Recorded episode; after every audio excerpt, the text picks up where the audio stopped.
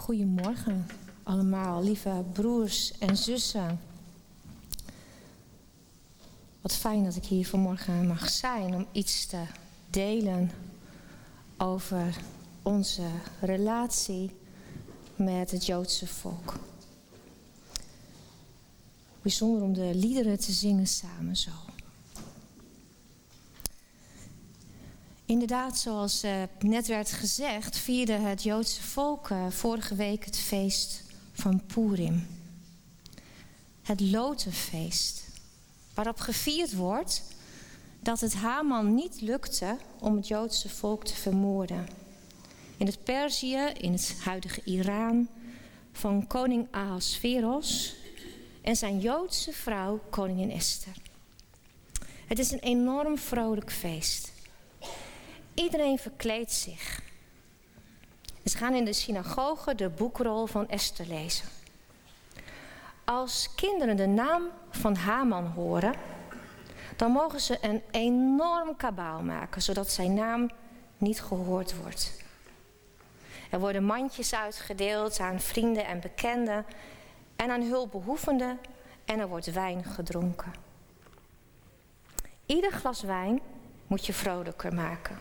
Maar moet je ook dichter bij de woorden van God brengen.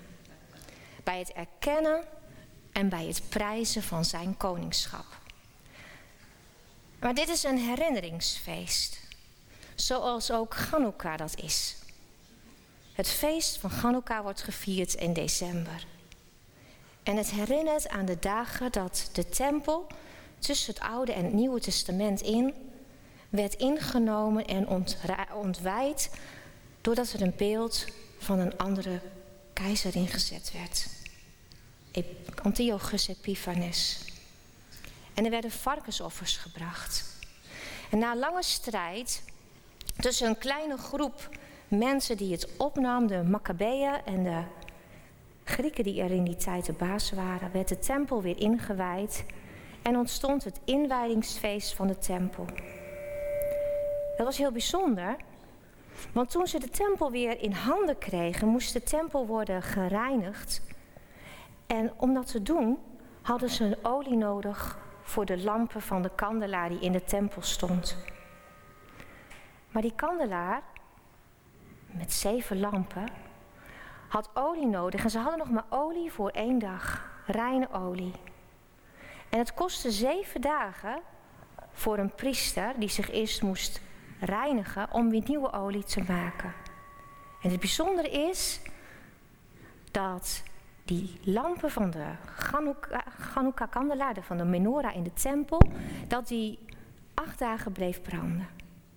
En daarom wordt het feest ook acht dagen gevierd in december. Het Joodse volk viert zeven grote feesten die door de Heer God zijn ingesteld. En daarvan zijn er drie hele grote pelgrimsfeesten. Bij die drie feesten ging iedereen naar Jeruzalem, naar de tempel. Pesach, Pasen, Pinksteren, Shavuot en Loofhutten in het najaar. Zeven feesten. Pesach, Shavuot, het feest van de bazuinen met Rosh Hashanah, het Joodse nieuwjaar, Grote Verzoendag, Yom Kippur, Loofhutten, het slotfeest op de achtste dag van Loofhutten en Simchat Torah. Op die laatste dag van het Loofhuttenfeest wordt gevierd dat de hele Torah, de eerste vijf boeken van de Bijbel, in één jaar zijn doorgelezen. En eigenlijk is er nog een achtste feest dat door de Heer God is ingesteld. Maar dat is een wekelijks feest. En dat is de Sabbat. God heeft gezegd, ik wil dat jullie op de zevende dag rusten, net als ik heb gedaan. En als je die Sabbat houdt, zal dat voor altijd een teken zijn tussen jullie en mij. Van het verbond dat ik met jullie heb. De Sabbat is een van de grootste tekenen tussen God en het volk. En elke keer als ik bij zo'n sabbatsmaaltijd ben, in een Joods gezin, dan ben ik weer onder de indruk van hoe bijzonder die dag gevierd wordt met elkaar. Ze wordt gevierd als een feestdag. Op vrijdagavond, want we weten uit het eerste boek van de Bijbel, uit Genesis, het was avond geweest en het was morgen geweest, de eerste dag. De dagen in de Bijbel beginnen altijd bij de avond. Ze gaan door het donker en ze gaan naar het licht. En op de vrijdagavond gaan de mannen naar de synagoge. De vrouwen blijven meestal thuis bij de kinderen. En er wordt een deel uit de Bijbel gelezen, een deel uit de Torah, wat die week aan de beurt is. En als de mannen thuiskomen, dan wordt eerst die dag geheiligd met een speciale maaltijd. Er wordt een zegen uitgesproken over het brood en de wijn. Je ziet op de tafel een mooi wit kleed. Je ziet een kleedje over het brood liggen. De wijn wordt gezegend, het brood wordt gezegend. En het drong pas veel later tot mij door dat dat natuurlijk dezelfde maaltijd is die ook de Heer Jezus op de Sederavond, de laatste maaltijd met zijn vrienden houdt, als hij uh, vlak voor zijn sterven de Sedermaaltijd met zijn, uh, met zijn vrienden eet, dat die, die Sabbatsmaaltijd op een soort van uitvergrote vorm op de Sederavond ook weer terugkeert. Maar eigenlijk doet het Joodse volk dat elke week. En als de Heer Jezus zegt op die laatste avond, elke keer dat jullie dit doen, de wijn drinken en het brood eten, denk er dan aan dat de wijn mijn bloed is en dat het brood mijn lichaam is. En elke keer als ik in een Joodse familie aan tafel zit en de wijn wordt gezegend en gedronken en het brood wordt gedeeld en gegeten, dan denk ik, wat zijn we eigenlijk dicht bij elkaar? En wat zijn we als christelijke kerk vergeten dat het avondmaal wat wij vieren gewoon voortkomt uit die maaltijd die elke vrijdagavond en elke zaterdagochtend en elke zaterdagmiddag in elk Joods, traditioneel Joods gezin gevierd wordt. De Sabbat. Een wekelijks terugkerend feest. Maar dat is eigenlijk de achtste. Het is bijzonder. In de Bijbel zie je dat alles wat met de acht te maken heeft, vaak uitstijgt boven onze gewone werkelijkheid. Daarom wordt een jongetje na de geboorte ook op de achtste dag besneden. Het is wat uitgaat boven wat wij kennen, de zeven dagen van de week. En straks kom ik daar met het Pinksterfeest nog op terug. Vanaf Pesach, het paasfeest, moet Israël ervan doordrongen zijn dat alles staat of valt met het paaslam. Het paaslam is niet alleen maar een offer, een zoenoffer, maar dat paaslam zorgt ervoor dat ook de geestelijke macht gebroken wordt. Het Pesachfeest wordt gevierd om de uittocht ik ben een bladzijde kwijt, zie ik.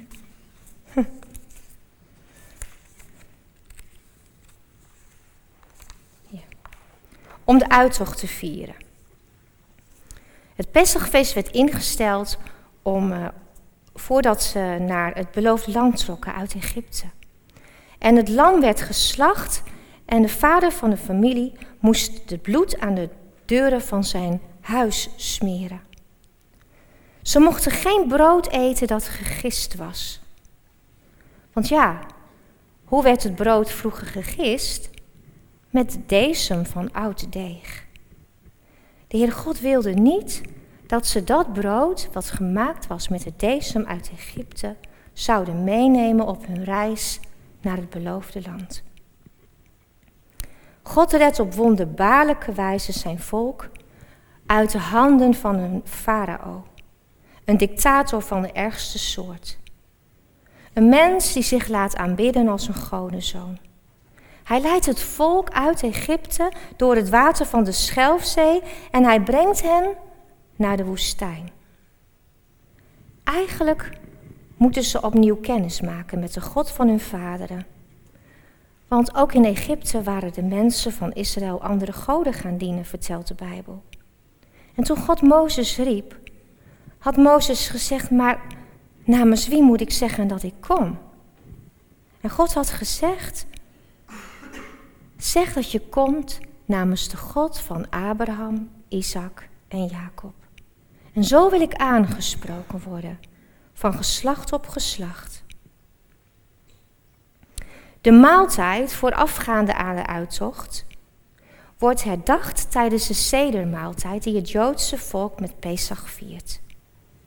Tijdens deze maaltijd wordt de uittocht herdacht en wordt een speciale liturgie gevolgd. De Haggadah, een boekje met liederen en teksten. En daarin wordt verteld het hele verhaal. Daarbij hoort ook de zedenschotel met verschillende soorten eetbare zaken, als een ei, een been, bittere kruiden, waaraan gedacht wordt aan het lijden en de bevrijding uit Egypte. De Bijbel vertelt dat in de nacht voor de uittocht de goden van Egypte worden geoordeeld. De Heer Jezus gebruikt de avond voor zijn lijden ook deze maaltijd met zijn vrienden. Hij is zelf het paaslam. Dat zal sterven en ervoor zorgt dat er opnieuw weer bevrijding is. Zijn bloed zorgt ervoor dat de engel van de dood voorbij gaat. En hij maakt het mogelijk dat zijn volk thuiskomt in het beloofde land. De zondag daarvoor is hij Jeruzalem binnengereden op een ezel, zoals Zacharia had gezegd dat de beloofde koning zou komen.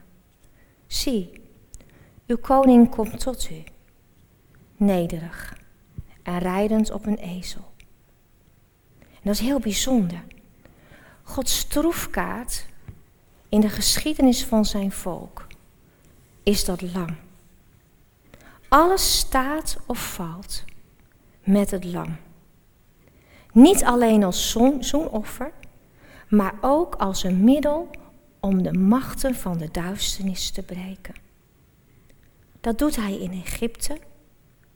Als, zoals Jezaja zegt, Israël moet opnemen tegen de draak, tegen de geestelijke macht die achter de macht van Egypte schuilgaat. Maar hij doet dat ook als het volk opnieuw wordt uitgeleid naar de ballingschap uit Babylonië. Dan is er ook weer sprake van een uittocht en van een draak. Een draak die Israël heeft opgeslokt, wordt verteld. De tegenstander is niet alleen maar Nebukadnezar, maar is weer een geestelijke macht van de duisternis die het volk vasthoudt. In Jesaja 53 zie je dat daar weer het lam tevoorschijn komt. En we zien hetzelfde weer in openbaring. Als na die hele lange ballingschap door Rome het volk weer bevrijd wordt. Daar zie je weer die strijd tegen de draak, tegen de macht achter Rome. De geestelijke macht. Hier staat het ook. Het gaat om de duivel, de oude slang. En weer spreekt openbaring over het lam. Het lam dat geslacht is. De leeuw, Arya Jehuda, de leeuw uit de stam van Juda. Pesach vindt haar vervulling als ze uiteindelijk zien wie het lam is. Hij bindt de strijd aan tegen de draak. En hij zorgt ervoor dat het volk bevrijd wordt. De adem van zijn mond zal die draak vernietigen. Het lam sterft voor Israël. En daardoor kan het volk uittrekken. Ook nu. En ik denk aan de woorden van Caiaphas. Want dat was heel bijzonder in het leidersverhaal van de Heer Jezus. Als Jezus bij Caiaphas gebracht wordt en ze gaan bedenken dat er een oplossing moet worden gevonden voor het probleem, gaat de hoge priester Caiaphas staan in de kring van priesters en schriftgeleerden en hij zegt tegen hen, u weet niets.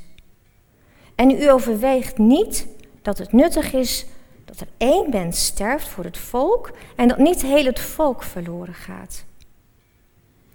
Die tekst hebben we heel goed onthouden. Dat één mens sterft voor het volk, zodat niet het hele volk verloren gaat.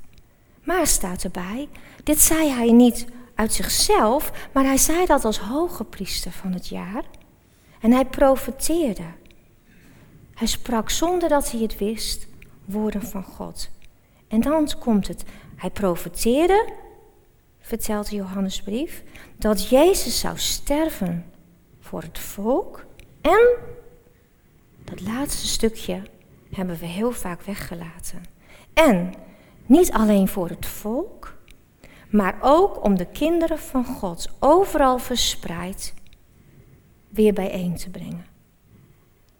Met andere woorden, het lam is geslacht om ook de verloren stammen van het huis van Israël weer bij elkaar te brengen. Dat is ook een van zijn grote taken. Heel vaak hebben we als christen de neiging om op een van de vier grote taken van de Messias onze focus te hebben, namelijk dat Hij gestorven is voor onze zonden. En dat we door Hem eeuwig leven hebben. Dat is zo. Maar dat is maar één van zijn taken. Die taken kun je lezen in Jesaja 49. De eerste taak is dat hij de volken zou oordelen. Niet zomaar de volken, maar de volken die zijn volk hebben aangeraakt. De tweede taak is dat hij de kinderen van Israël zal thuisbrengen. De derde taak is dat hij een licht zal zijn voor de volkeren. En daar hebben wij altijd heel veel over gehoord. De vierde is dat hij het land weer zal herstellen. Die bijzondere plek. Want dat is natuurlijk heel bijzonder. God brengt telkens weer in de geschiedenis dat volk terug naar die plek. En daar gaat het Pesachfeest, het paasfeest ook over. Maar wat is er dan met die plek? Waarom brengt God dat volk telkens terug? En waarom, vijftig dagen nadat ze Egypte zijn uitgegaan, geeft hij hen woorden waarmee hij zegt, als je in mijn land komt wonen, dan zijn dit de dingen waar je je aan moet houden. En dan worden de geboden gegeven, vijftig dagen na Pasen, op de berg Sinaï. Dat is heel bijzonder. Dat God zegt, ik breng jullie naar mijn land. Want de hele aarde is van God, zou je zeggen. De hele aarde is door hem geschapen. En toch spreekt hij van een deel van die aarde over zijn sieraadland, zijn erfdeel, zijn land, zijn woonplaats. En telkens weer brengt hij dat volk terug daar. En daar was hij al mee begonnen bij Abraham. Abraham, hij riep Abraham uit een land in het oosten, zo aanwijzen, en hij nam hem mee naar een land waarvan Abraham niet wist. Hij wist niet naar welk land hij zou gaan. Maar het is zo bijzonder en als je erover nadenkt ook zo logisch. Hij brengt hem terug naar de plek waar het allemaal begonnen is. Tuurlijk. Hij brengt Abraham terug naar de plek waar het ooit is misgegaan.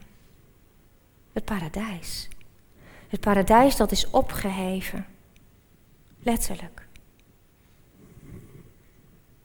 Want we weten, als je naar de aarde kijkt, dat in de Bijbel staat dat Jeruzalem, het land Israël, de navel van de aarde is. En eerst denk je, nou dat is een beetje bijzonder. Maar als je naar de wereldbol kijkt en je zoomt een beetje in en je kijkt naar het midden, dan zie je het Midden-Oosten. En als je naar het Midden-Oosten kijkt, dan zie je daarvan in het midden Israël. En als je naar het midden van Israël kijkt, dan zie je Jeruzalem. En in het midden van Jeruzalem zie je de berg. Het is de berg waar Abraham zijn zoon Isaac moet offeren, de berg Moria. Het is de berg waar later de tempel zal verrijzen. En wat zit er ook alweer onder die berg? Oh ja, een bron. Ja, dat weten we. Jaren geleden was er zoveel commotie in Jeruzalem, omdat er telkens onder, de, uh, onder het tempelplein vandaan in de Tempelberg water naar buiten stroomde. Nu weet misschien, het Tempelplein is gebouwd op een rots op de berg Moria. En daaromheen zijn muren gemaakt.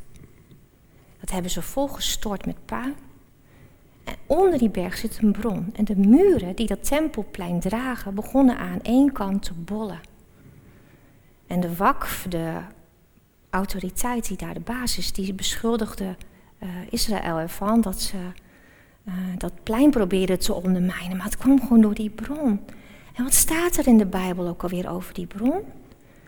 Dat er aan het eind van de tijd uit die bron water zal komen en dat het naar de, berg, naar de beek Kidron zal stromen. En vanuit de beek Kidron naar de Dode Zee. En het zal levend water zijn. Er zullen um, bomen langs staan die heel vaak vrucht geven. Het zal zelfs het water van de Dode Zee weer uh, gezond maken, waar nu niks in kan groeien. En dan denk je, oh ja, de Joodse traditie vertelt dat inderdaad die plek de plek is van het paradijs. En dat uit de bron die in het paradijs kwam, vier rivieren stroomden. De Uifraat en de Tigris in het noorden en in het zuiden ook twee rivieren. De Pison en de Gichon. En als je die rivieren bij elkaar zou nemen, waar kom je dan uit? Ja, precies, in Jeruzalem. En die bron, die is er dus nog altijd. Het paradijs is opgeheven. Maar het is alsof die voetstap, die voetprint, nog steeds zichtbaar is. En daarom brengt God zijn volk de hele tijd daar terug. Want hij heeft hen gemaakt, zegt de Bijbel, met een taak. Hij heeft hen uitgekozen. Dat hebben we heel vaak verkeerd begrepen. Hij heeft hen uitgekozen tot dienst, tot een taak. Hij heeft gezegd: Ik ga een volk maken dat mijn knecht is. En die, dat mijn, die mijn naam gaat eren.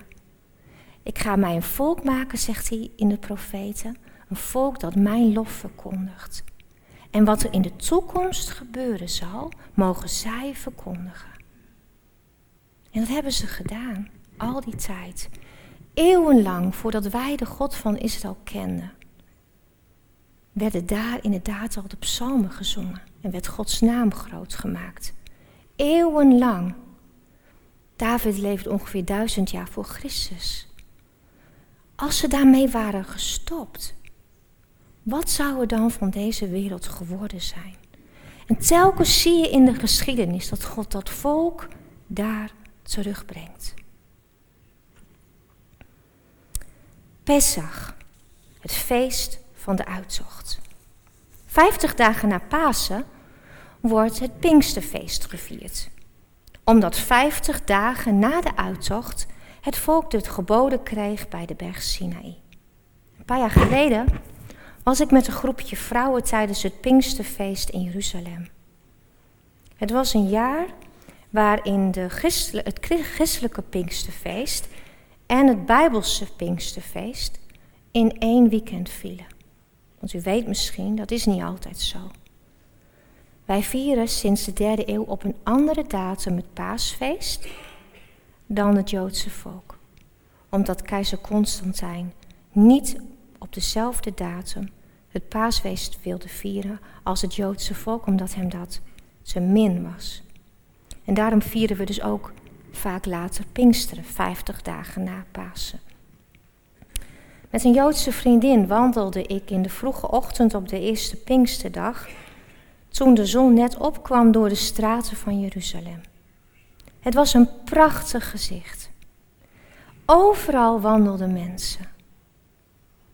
En dat komt omdat in de nacht van Pinksteren het Joodse volk wakker blijft. De hele nacht vieren ze dat God hen de woorden van God gegeven heeft en zijn ze bezig met Bijbelstudie. Het was amper licht toen we vertrokken. Geen auto's op de weg. En alle straten van Jeruzalem vulden zich met gezinnen, met mensen die van huis naar huis gingen om ergens iets te leren. En naarmate het licht van de ochtend dichterbij kwam, verplaatste de hele menigte zich in de richting van het tempelplein. Het voelde zo bijzonder om daar deel van uit te maken. We gingen in de richting van de oude stad. Dwars door de soek, waar alle, alle poorten en deurtjes van de winkels dicht waren. En toen we de trappen afdaalden bij de klaagmuur en naar beneden keken, zag ik allemaal biddende mensen.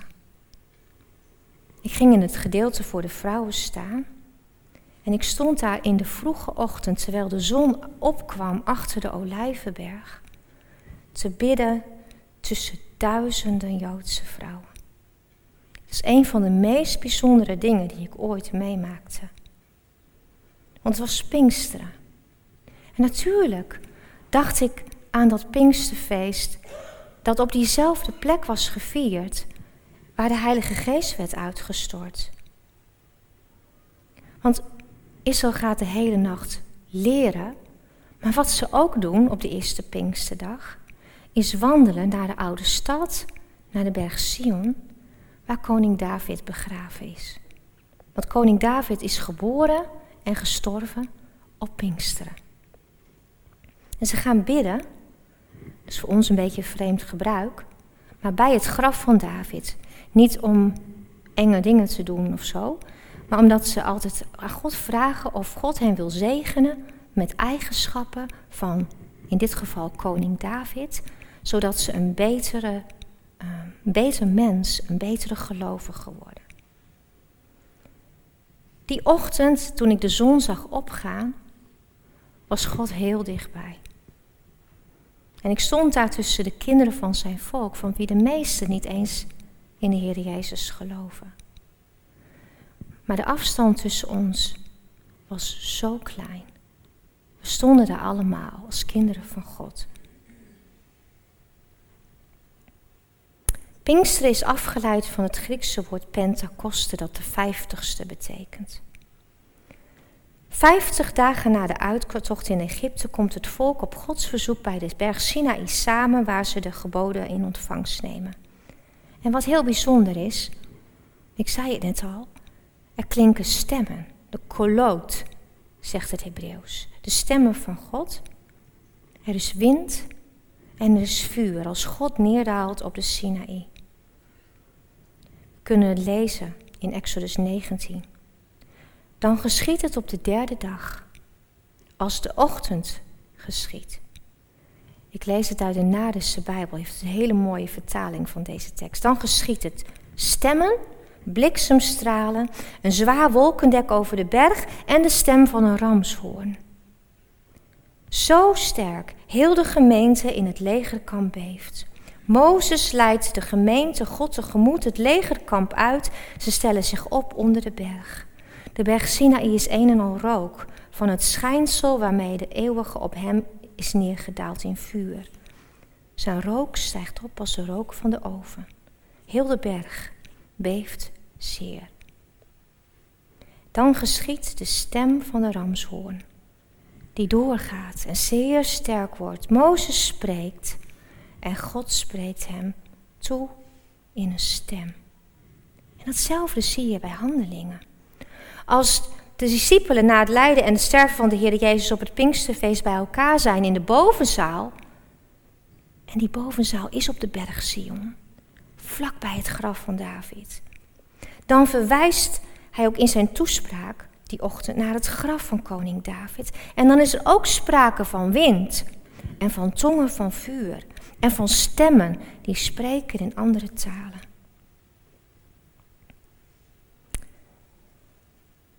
Een ander feest wat het Joodse volk viert is het Joods nieuwjaar. Het is na de zomer, in september. Het begint met het feest van de bazuinen. En het is het begin van tien bijzondere dagen van inkeer. Het eindigt na tien dagen met grote verzoendag. Yom Kippur.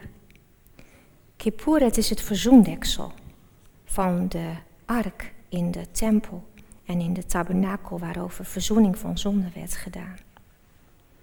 En dan in het najaar loofhutten. Ieder gezin bouwt een soeka, een hut, als herinnering aan de tocht door de woestijn. Ze wonen tijdens die tocht door de woestijn in tenten. Het is een feest van de inzameling van de volkeren. De volkeren, zegt Jesacharia 14, zullen allemaal het loofhuttenfeest komen vieren in Jeruzalem. En wie dat niet doet, die zal geen regen ontvangen. En ook Jezus is op het loofhuttenfeest als hij vertelt dat hij het levende water is. Daar staat hij, het paaslam, zelf het levende water, bij de bron, op de Tempelberg. Daarboven hem branden enorme lichten die op het loofhuttenfeest herinneren. Twee enorme lampen die gemaakt zijn met lonten van de kleding van de priesters en die schijnen over de stad. Ze doen herinneren aan de vuurkolom in de woestijn. En Jezus zegt, ik ben het levende water. Jullie hebben gezien hoe ze hier naar beneden gaan, in het dal, naar de bron Siloam. En onder gejuich en gezang met lampen het water naar boven dragen naar het tempelplein en het uitstorten bij het altaar. Maar ik zeg jullie, ik ben het levende water. En hij staat vlak bij de bron waarover we net hoorden. Hij is zelf de bron. En dan, als laatste het slotfeest en Simchat Torah aan het einde van het Loofhuttenfeest, waarop wordt gevierd dat de hele Torah is gelezen. Het zijn feesten die door de Heere God zelf zijn ingesteld. Wij noemen ze vaak Joodse feesten, maar we zouden beter kunnen spreken van Bijbelse feesten. Het heeft alles te maken met die plek. Ook al die feesten. Het heeft te maken met die bron. En het heeft te maken met de troon. Want God heeft gezegd, dit is de plaats van mijn troon. Dit is de plaats van mijn voetzolen. Hier zal ik wonen in het midden van de kinderen van Israël voor eeuwig. En daarom brengt God zijn volk terug. Elke keer opnieuw. Uit Egypte, uit Babel. En na de 2000 jaar lange ballingschap van de Romeinse overheersing, ook in onze dagen. Ik vertel heel vaak het verhaal van de jaren 80. In de jaren 80 deed ik mijn studie en op een dag kwam een van mijn beste vriendinnen naar mij toe. Zij had in haar gemeente gehoord dat er mensen waren die visioenen kregen over 10.000 Joden die uit Rusland, uit de Sovjet-Unie zouden komen. En dit was voordat de Berlijnse muur viel. Het was voor één Jood nog niet mogelijk om uit de Sovjet-Unie te komen. We hoorden de verhalen van Anatoly Sharansky, Nathan Sharansky en Julie Edelstein. Het was verboden om Joods te zijn en je Joodse geloof daar ook te beleven. En we konden het bijna niet geloven. Ik kan me herinneren dat we naar onze volgende les moesten en dat we in de aula bleven praten omdat we er niet over uit konden of dat echt wel gebeuren zou. En ik zeg heel vaak, dit was denk ik in 1987. Ik zeg heel vaak tegen mensen, weet u wel hoeveel mensen, hoeveel Joodse mensen er sinds die tijd uit de voormalige Sovjet-Unie terug zijn gekeerd naar het land. En dan zeggen mensen, nou misschien 10.000 dan toch? En dan zeg ik, het zijn er meer dan anderhalf miljoen. En het lijkt wel alsof het aan de meeste van ons voorbij is gegaan. En ook nu. Collega's van ons werken op dit moment in de Oekraïne. We net in het gebed al aan gerefereerd. In de afgelopen twee weken zijn overal uit de Joodse gemeenschappen in de Oekraïne mensen opgehaald. Ze worden door christenen naar de grens gebracht, daar opgevangen door het Joodse agentschap. En binnen twee dagen gaan ze op het vliegtuig naar het beloofde land. En als ik in Israël ben, dan zie ik Joodse mensen uit India, uit Peru. De toename van de terugkeer van Joodse, uit, Joodse mensen uit Amerika is afgelopen jaar met 46% toegenomen. Zuid-Afrika, Europa, Rusland, in dit geval ook de Oekraïne. Overal vandaan komen ze terug. En waarom komen ze terug? Omdat God gezegd heeft: Ik wil in het midden van mijn volk wonen. En alle feesten die zij vieren, hebben te maken met hun taak en met hun plek in dit bijzondere land. En natuurlijk, als de Heer Jezus straks terugkomt, dan komt hij daar terug. God heeft het daar altijd gedaan. Alles wat we in de Bijbel lezen, al die bijzondere momenten. Zijn lijden en sterven. Zijn opstanding. De uitstorting van de Heilige Geest. En zijn terugkeer. Het is allemaal daar. En daarom moet zijn volk er zijn. En het is zijn taak. Dat vertelden de profeten ook. Dat hij het volk terug gaat brengen. Het paaslam zorgt ervoor dat het kan. Ze worden bevrijd. Bevrijd uit al die landen waarvan, waarvan men zegt, zou het wel mogelijk zijn? Kan aan een sterke zijn buit ontnomen worden, zegt een van de profeten. Het is wel, lijkt wel alsof ze worden vastgehouden.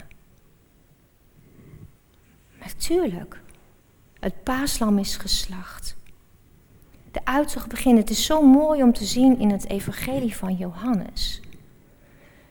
De vier evangeliën zijn allemaal een beetje anders. Het evangelie van Johannes begint met Pasen, met de Pesach. Het gaat naar Loofhutten en het eindigt met Pasen. Dat is heel bijzonder. En dat past ook precies bij wat de wijzen van Israël altijd hebben gezegd. Eigenlijk zeggen ze, is het zoals de prediker zegt. Alles blijft hetzelfde. Alles is ijdelheid. Als wij dat lezen, dan denken we heel vaak, nou ja, alles is ijdelheid. Hebben de dingen dan wel zin? Maar nee, zeiden de wijzen van Israël, als alles hetzelfde blijft, dan betekent het dat de dingen die in het begin gebeuren, aan het einde ook weer zullen gebeuren. Op precies dezelfde manier. Er zal weer een uittocht zijn.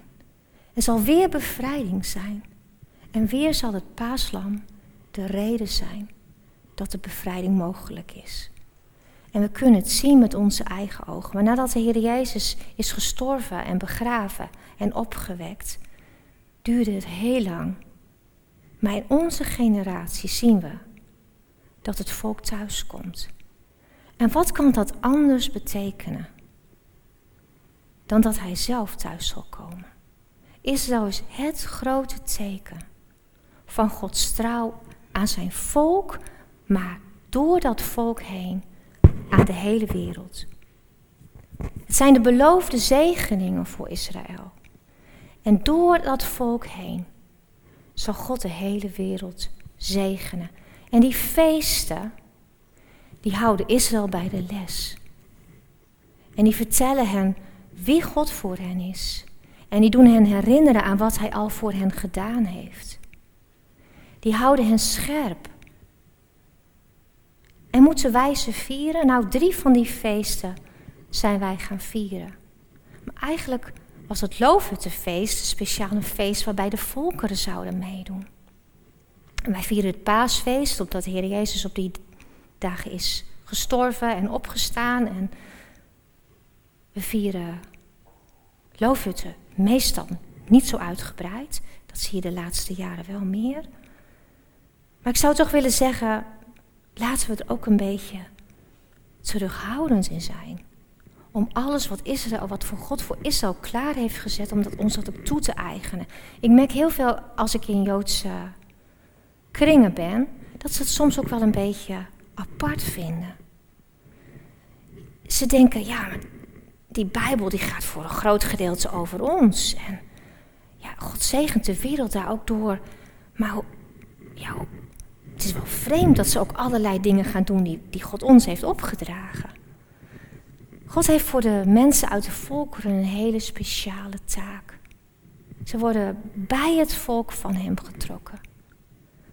Maar soms heb ik het idee dat we hen ook wel eens wat voor de voeten lopen.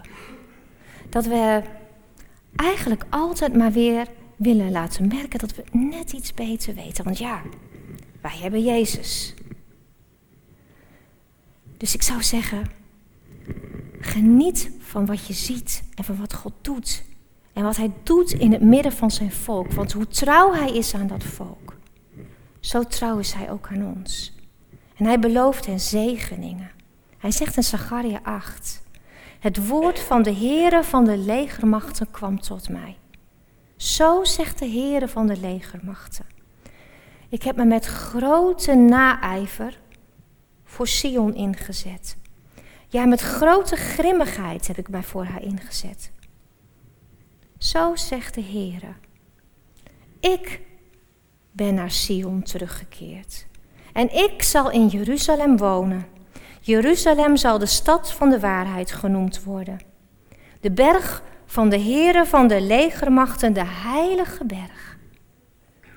Zo zegt de Heere van de legermachten, er zullen weer oude mannen en vrouwen zitten op de pleinen van Jeruzalem, ieder met zijn stok in de hand, vanwege de hoge leeftijd.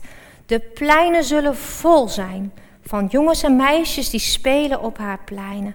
En zo zegt de Heer van de legermachten, al zou het in die dagen te wonderlijk zijn voor het overblijfsel van dit volk. Zou het dan ook voor mij te wonderlijk zijn in mijn ogen, spreekt de Heer van de legermachten. Zo zegt de Heer van de legermachten, zie, ik ga mijn volk verlossen uit het land waar de zon opkomt en waar die ondergaat. Ik zal hen hierheen brengen en zij zullen midden in Jeruzalem wonen. Ze zullen mij tot een volk zijn. En ik zal hun tot een God zijn in waarheid en gerechtigheid. Zo zegt de Heere van de legermachten.